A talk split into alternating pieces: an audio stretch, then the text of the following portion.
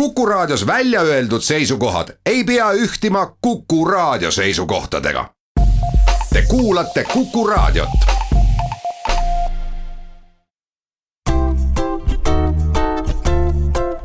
patsiendiminutid, Patsiendiminutid toob teieni Eesti Patsientide Liit. tere, hea Kuku kuulaja sel nädalal tähistati patsiendi ohutuse päeva ja nii on ka meie saade pühendatud sellele, kuidas tagada, et inimesel oleks haiglas turvaline aga teisalt, kui ühe jaoks turvalisust luuakse, võib juhtuda nii, et samal ajal kahjustatakse selle käigus mõnda teist patsienti. ehk me räägime täna patsientide ohjeldamisest, rahvakeeli võib öelda ka nende kinnisidumisest ja luku taha panemisest.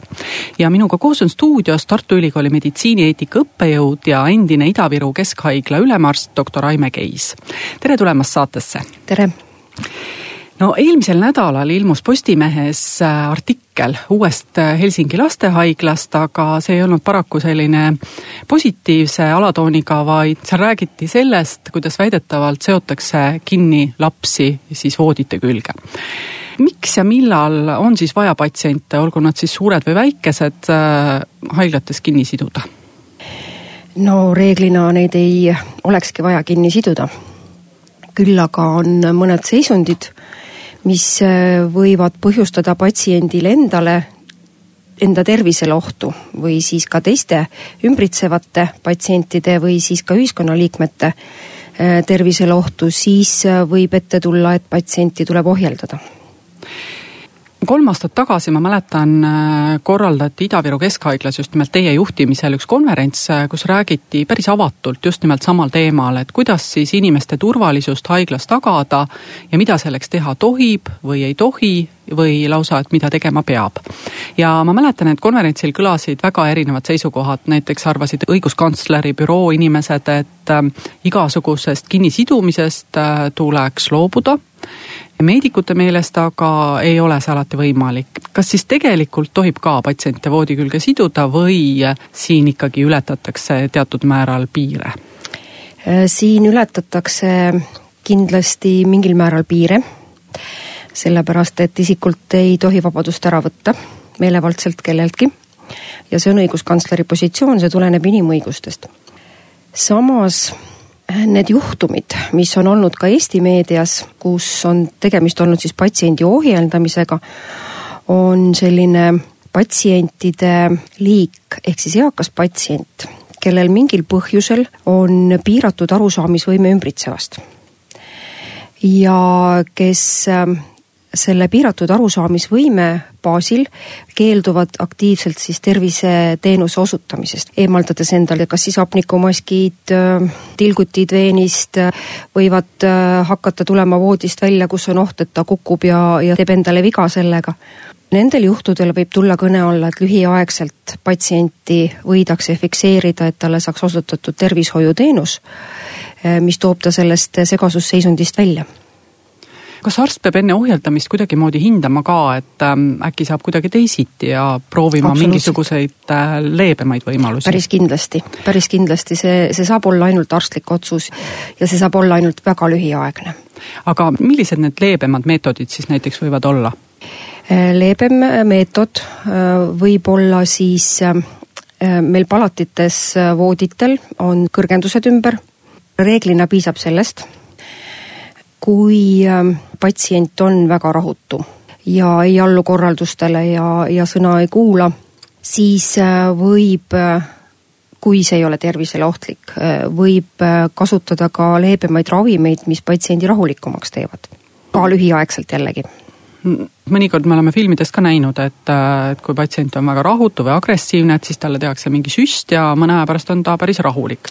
ja see on näiteks ähm, suhteliselt noh, mitte väga sage, aga näiteks EMO-des, erakorralise meditsiini osakondades on äh, agressiivsed joobes patsiendid, kellel näiteks on vaja teha kas siis peauuring elulistel näidustustel või mõni muu tervishoiuteenus, siis saab seda lühiaegset äh, ravimit, mis, mis patsienti rahustab, teha teisalt jällegi meenub äh, ühe ametniku kirjeldus, ähm, kes käis küll kontrollkäigul hooldekodus, mitte nüüd haiglas, kell kuus õhtul ja kui nad kohale läksid, siis äh, kõik vanakesed äh, olid juba voodites, paljud neist magasid ja lõpuks, äh, kui hakati uurima, siis tuli välja, et kõik saavad nagu üks mees õhtuti unerohtu. et siis ei olegi vaja ust lukku keerata, et kuidas nüüd seda tagatakse, et patsiente ilmaasjata ravimitega ei süstita või neile tablette ei anta? Raviasutustes äh, igasugune ravi määramine saab toimuda arsti äh, otsusega ja reeglina tehakse seda ka noh, arsti juuresolekul. ka kogu meditsiinipersonal on juures, tavaliselt on need haiged ka monitooritud. kõik meetmed, mis me kasutusele võtame, ka siis, kui me teda natukene rahustada püüame, need peavad olema patsiendile siis ohutud ja ta peab olema täiesti jälgitud, et kui peaks tekkima teoreetiliselt ka mingi kõrvaltoime, et, et siis on kohe personal ka juures, kes sellele reageerib kui nüüd see ohjeldamine on ikkagi toimunud, siis peaks jälgima, et millal see peaks lõppema ja, ja minu arvates see on palju suurem probleem, et millal on see õige aeg äh, see ohjeldamine lõpetada.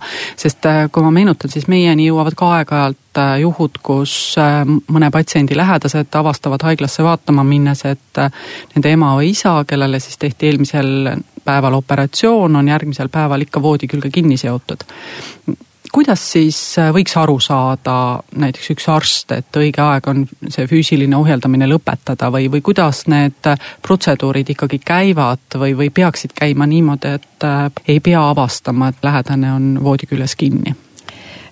pärast seda konverentsi Ida-Viru Keskhaiglas tuli kokku ka töögrupp Sotsiaalministeeriumi juurde, kus arutati, milliseid reegleid rakendada kui peaks toimuma füüsiline ohjeldamine, kuidas seda kõike siis dokumenteerida ja kuidas seda siis kõike jälgida. toona jõuti äh, sellisele arusaamisele, et patsienti, kui tõesti on vaja füüsilist ohjeldamist, äh, siis iga kahekümne minuti tagant tuleb tema seisundit uuesti hinnata sest see, et, et, et patsient mingil põhjusel ei orienteeru ümbritsevas, ei saa nagu ümbritsevast aru, sellel peab olema reeglina ikkagi mingi põhjus. üsna sageli peale operatsiooni võib selleks olla siis äh, verekaotus, et kuni siis organism ennast taastoodab, eks ole, aju hakkab uuesti äh, paremini hapnikuga varustatud olema, see patsiendi arusaamisvõime siis taastub. arstid oskavad hinnata seda, et kas patsient on adekvaatne ja selle arstliku otsuse alusel siis peab fikseerimine lõppema, aga õed äh, peavad nii kaua, kuni fikseerimine on vajalik, peavad monitoorima seda patsienti ka tõesti viisteist, kakskümmend minutit iga selle aja tagant nad peaks käima ikkagi patsienti vaatamas. kas tegelikult ka käivad? no ma oskan öelda nüüd ähm, Ida-Viru äh, Keskhaigla praktikast pärast seda konverentsi ja, ja pärast Sotsiaalministeeriumi juures äh, peetud nõupidamisi, et äh, meil paranes ikkagi see dokumenteerimine ja paranes tõesti see patsiendi jälgimine.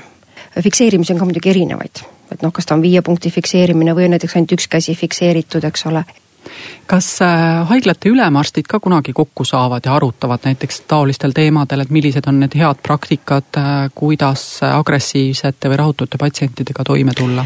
minu ajal ei saanud kokku küll aga õed saavad kokku, ma tean, et õdedel on see, see, see päris suur ähm, teema nii-öelda südamesse võetud. Hästi, aga läheme meie siit korraks äh, pisukesele pausile, peatselt oleme tagasi, nii et jääge kuuldele. Patsiendiminutid. patsiendiminutid toob teieni Eesti Patsientide Liit stuudios on doktor Aime Keis ja Kadri Tammepuu. me räägime täna patsiendi ohutusest ja täpsemalt rahutute patsientide ohjeldamisest. arutasime, millal patsiente tohib siis füüsiliselt äh, kinni siduda või fikseerida ja millal peaks see protseduur lõppema, nii et inimeste õigused oleksid paremini kaitstud jõudsime dokumenteerimise juurde ja kuidas dokumenteerida nii, et kõik oleks rahul. kas meedikud ei pane ennast siin nüüd ise kahvlisse, et kui nad nüüd kõike üles kirjutavad, saavad inspektorid või patsientide lähedased hiljem neid süüdistada, et neile tundub, et ületati volituste piire? see risk on muidugi alati olemas, aga me liigume avatud ühiskonna suunas järjest rohkem ja rohkem ja me oleme sinna ka jõudnud ja võlaõigusseadusest tulenevalt on meil ka dokumenteerimiskohustus. dokumenteerimine peab olema ikkagi adekvaatne, et äh, see ei saa piirduda ühe lausega, seal peab patsiendi seisundit siis täiesti kirjeldama. kui äh, noh, mingil põhjusel arst otsustab, et seda patsienti tõesti on vaja lühiaegselt fikseerida, siis peab olema see kõik põhjendatud. Mis võib olla see põhjus, miks on vaja, mida siis rakendati, millist fikseerimist rakendati ja, ja millist ravi rakendati pärast seda või millise ravi jaoks seda siis fikseeriti nii et kui äh, näiteks õde tuleb palatisse, näeb, et äh, patsient äh, lõhub seal parajasti mingit aparaati, siis kuidas toimida, kas ta peaks minema arsti otsima või võib ta siis kõigepealt patsiendi kuidagimoodi ära ohjeldada ja siis minna arsti otsima? Ta peab paralleelselt suutma tegutseda selles suhtes, et et keegi peab siis minema arsti otsima ja keegi siis peab patsiendi juurde jääma, et aga kui õde on üksi ja patsient on ka palatis üksi? siis ta pigem ikkagi peab pöörama tähelepanu patsiendile esialgu, et patsient endale viga ei teeks ja siis äh, veel esimesel võimalusel siis ka arsti kutsuma räägime natukene neist põhimõtetest ka, millele tuleks tähelepanu pöörata, kui arst siis leiab, et äh, patsienti tuleb ohjeldama hakata, et ähm, üks põhimõte on näiteks see, et äh, kui võetakse vabadus, tuleb anda ka abi. mida see lahti seletatult tähendab? kui võetakse vabadus selleks, et äh, tervishoiuteenust osutada, äh, siis äh, see tervishoiuteenus peab olema ka osutatud ja see peab olema ka põhjendatud, et seal peab olema alus, diagnoos, et miks seda tervishoiuteenust antud situatsioonis siis on vaja osutada, et unerohu määramine kell kuus õhtul noh, ei ole päris tervishoiuteenuse osutamine. aga samas, eks ole, on mõte siis selles, et inimest lihtsalt ei panda luku taha ja, ja. ei oodata, et äkki ta millalgi rahuneb maha? jah, absoluutselt. no mul meenubki siin näiteks Valga haigla juhtum, kus patsient äh, ei olnud tegelikult äh, teps mitte maha rahunenud, et kui isolaatori uks äh, lahti tehti, siis patsient ründas nii paljusid inimesi, kui ta jõudis, enne kui ta lõpuks vaigistati mm. -hmm. et kuidas selliseid olukordi võiks käsitleda, et, et taolisi juhtumeid ära hoida? Agressiivse patsiendi korral, kui me ei räägi päris eakast patsiendist, vaid mõnel muul põhjusel agressiivse patsiendi korral, näiteks erakorralises meditsiinis saab kutsuda appi politsei alati ja seda on, seda on ka tehtud. seda ei juhtu küll sageli, aga seda aeg-ajalt tuleb ette psühhiaatriahaiglas meil on psühhiaatrilise abi osutamise seadus, kus on lubatud erimeetmed teatud juhtudel siis patsiendi ohjeldamiseks. Ja muidugi, kui patsienti sellisel puhul niimoodi minnakse üle vaatama siis ja teda hindama, tema terviseseisundit, siis seda päris kindlasti tuleb teha mitmekesi. Et seda ei läheks üks inimene tegema, et meedikutel on kohustus ka enda elu mitte ohtu seada, et sellega peab alati arvestama arvatakse, et kinnisidumise asemel võiks kasutada siis eraldusruumi. aga seda eraldusruumi võiks siis saada jälgida, et paremini aru saada, kuidas patsiendil läheb. kuidas selle jälgimisega on, et ühelt poolt oleks ju väga mugav panna igale poole kaamerad, oleks kohe näha, mida keegi teeb. teiselt poolt äh, on äh, ikkagi inimese privaatsus ka oluline, et, et, et millised on siin need reeglid?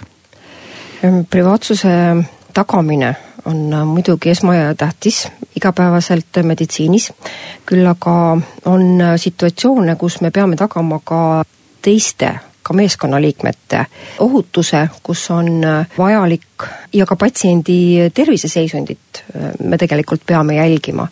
nii et eraldusruumis videokaamera olemasolu selleks, et et vaadata, kas tema terviseseisund nüüd lubab teda sealt vabastada sellest jälgimisruumist või näiteks tekib tal mingisugune seisund, mis vajab kohest meedikute sekkumist. See võiks olla põhjendatud, sest neid näiteid on meditsiinipraktikas küll, kus tõesti see nii-öelda patsiendi privaatsuse riive äh, on õigustatud, kui see toob patsiendile rohkem kasu kui inimest hakatakse ohjeldama või patsienti hakatakse ohjeldama, siis äh, ei tohiks teised seda näha.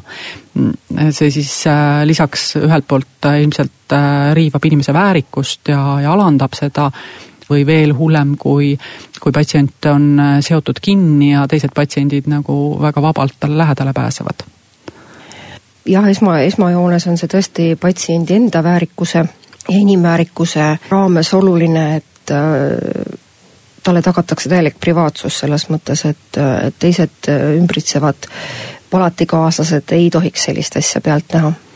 see mõjub ka teistele ausalt öeldes traumeerivalt. ja teisalt ähm, võib tekkida sellele patsiendile, kes parajasti on ohjeldatud, äh, oht võib-olla teiste patsientide poolt, et äh, jah, noh, kõige suurem risk on muidugi psühhiaatria, kus selline situatsioon võib tekkida kui äh, avatult ja kui palju täna näiteks arstidele ja õdedele nendele tudengitele, kes ülikoolis õpivad, äh, ohjeldamisest räägitakse ja inimväärikast ja samas äh, igati õigest ohjeldamisest räägitakse ja seda õpetatakse? sellest räägitakse, küsisin Tallinna Tervishoiu Kõrgkooli rektori käest, et valdavalt muidugi see teema tuleb esile siis, kui õppekavas ja, ja õppeteemaks on psühhiaatria valdkond sinna alla võivad kuuluda ka siis eh, need eakad, kellel on diagnoositud dementsus, kes tõesti ümbritsevast eh, nii hästi enam aru ei saa.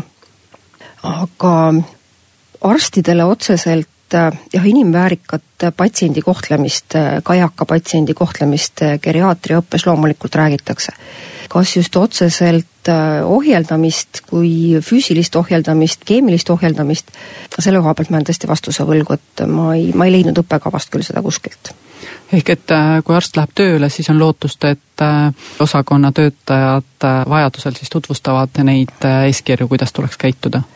ma loodan väga, et, et meil noh, väga paljudel seda praktikas vaja ei ole, aga seda ikka aeg-ajalt harva tuleb ette, nii et, et ilmselt see tuleb kogemuse ja töö käigus aga kui nüüd püüda hinnata Eestis tervikuna, et ähm, kuidas selle ohjeldamisega siis patsientidel lood on või, või kuidas saavutada seda, et äh, kõikides haiglates või, või vähemasti enamikes haiglates äh, käitutakse sarnaselt ja inimesed saaksid tunda ennast turvaliselt, olgu nad siis äh, patsiendid või nende lähedased? Äh, ma usun, et see töörühm, kes siis Terviseameti juures koos käis, koos Sotsiaalministeeriumiga, tegi ära väga suure töö, sest seal olid tõesti väga paljude haiglate esindajad.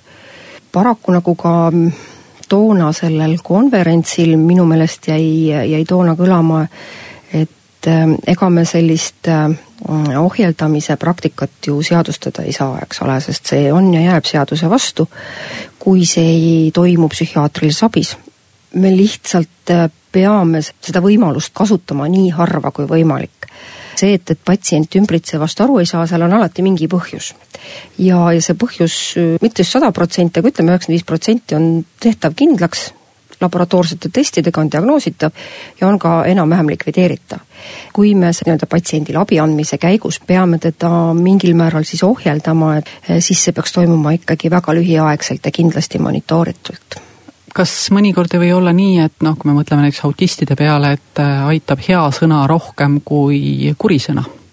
absoluutselt kuri ei tohi kunagi patsiendiga olla, eriti veel äh, sellise patsiendiga, kes ümbritsevast aru ei saa, sellepärast ta ei hakkagi paremini aru saama, ta muutub võib-olla veel rohkem tõrksamaks. eelkõige on see sõnajõud, mis mõjub võib-olla tõesti kasutada mingeid muid võimalusi, kas või näiteks siis tõesti ravimit, mis, mis on patsiendile ohutu, eks ole, arsti otsusega. ja see füüsiline ohjeldamine võiks jääda ikkagi noh, kõige viimaseks ja kõige äärmuslikumaks variandiks no loodame ja usume siis ka seda, et tudengid, kes äh, ülikoolidest tulevad, ähm, on selle teemaga pigem varem kui hiljem kokku puutunud. aga suur aitäh, Tartu Ülikooli meditsiinieetika õppejõud doktor Aime Keis täna saatesse tulemast ja täname ka kõiki kuulajaid. Saadet juhtis Kadri Tammepuu, kuulmiseni taas järgmisel nädalal ja seniks olgem terved. patsiendiminutid Patsiendiminutid toob teieni Eesti Patsientide Liit